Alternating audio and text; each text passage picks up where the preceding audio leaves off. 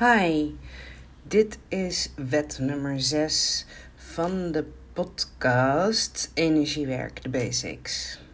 De zesde wet luidt als volgt. In het begin was het woord en het woord was bij God.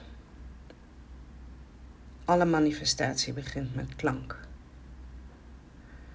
En een ieder die een tikkeltje christelijke achtergrond heeft, die zal herkennen dat dit het zinnetje is waarmee de Genesis begint, dus het Oude Testament.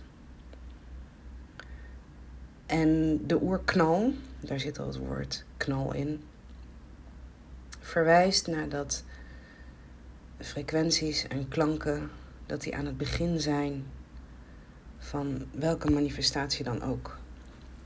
Wanneer je in de manifesteerhoek duikt, er zijn meerdere grote gurus in te vinden. Zijn meerdere mensen die daar heel erg goed in zijn en die heel goed kunnen uitleggen hoe dat werkt. Daar gaat het ook altijd om dat je met woorden en met klanken, dus en ehm, met je gedachten, met je frequentie, dat je ruimte inneemt. Dat je eerst in het energieke veld ruimte inneemt om ervoor te zorgen dat een creatie plaats kan vinden. En het is precies dit waar dat zinnetje aan verwijst. Dus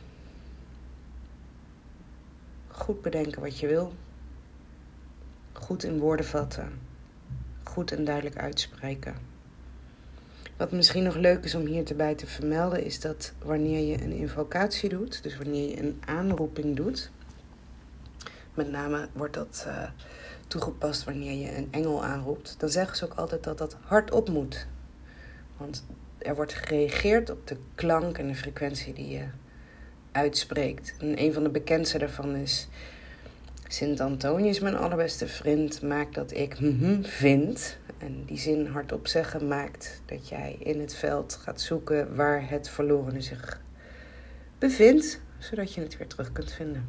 Probeer het maar een keer uit. Is erg leuk om te doen. Tijd voor de volgende aflevering.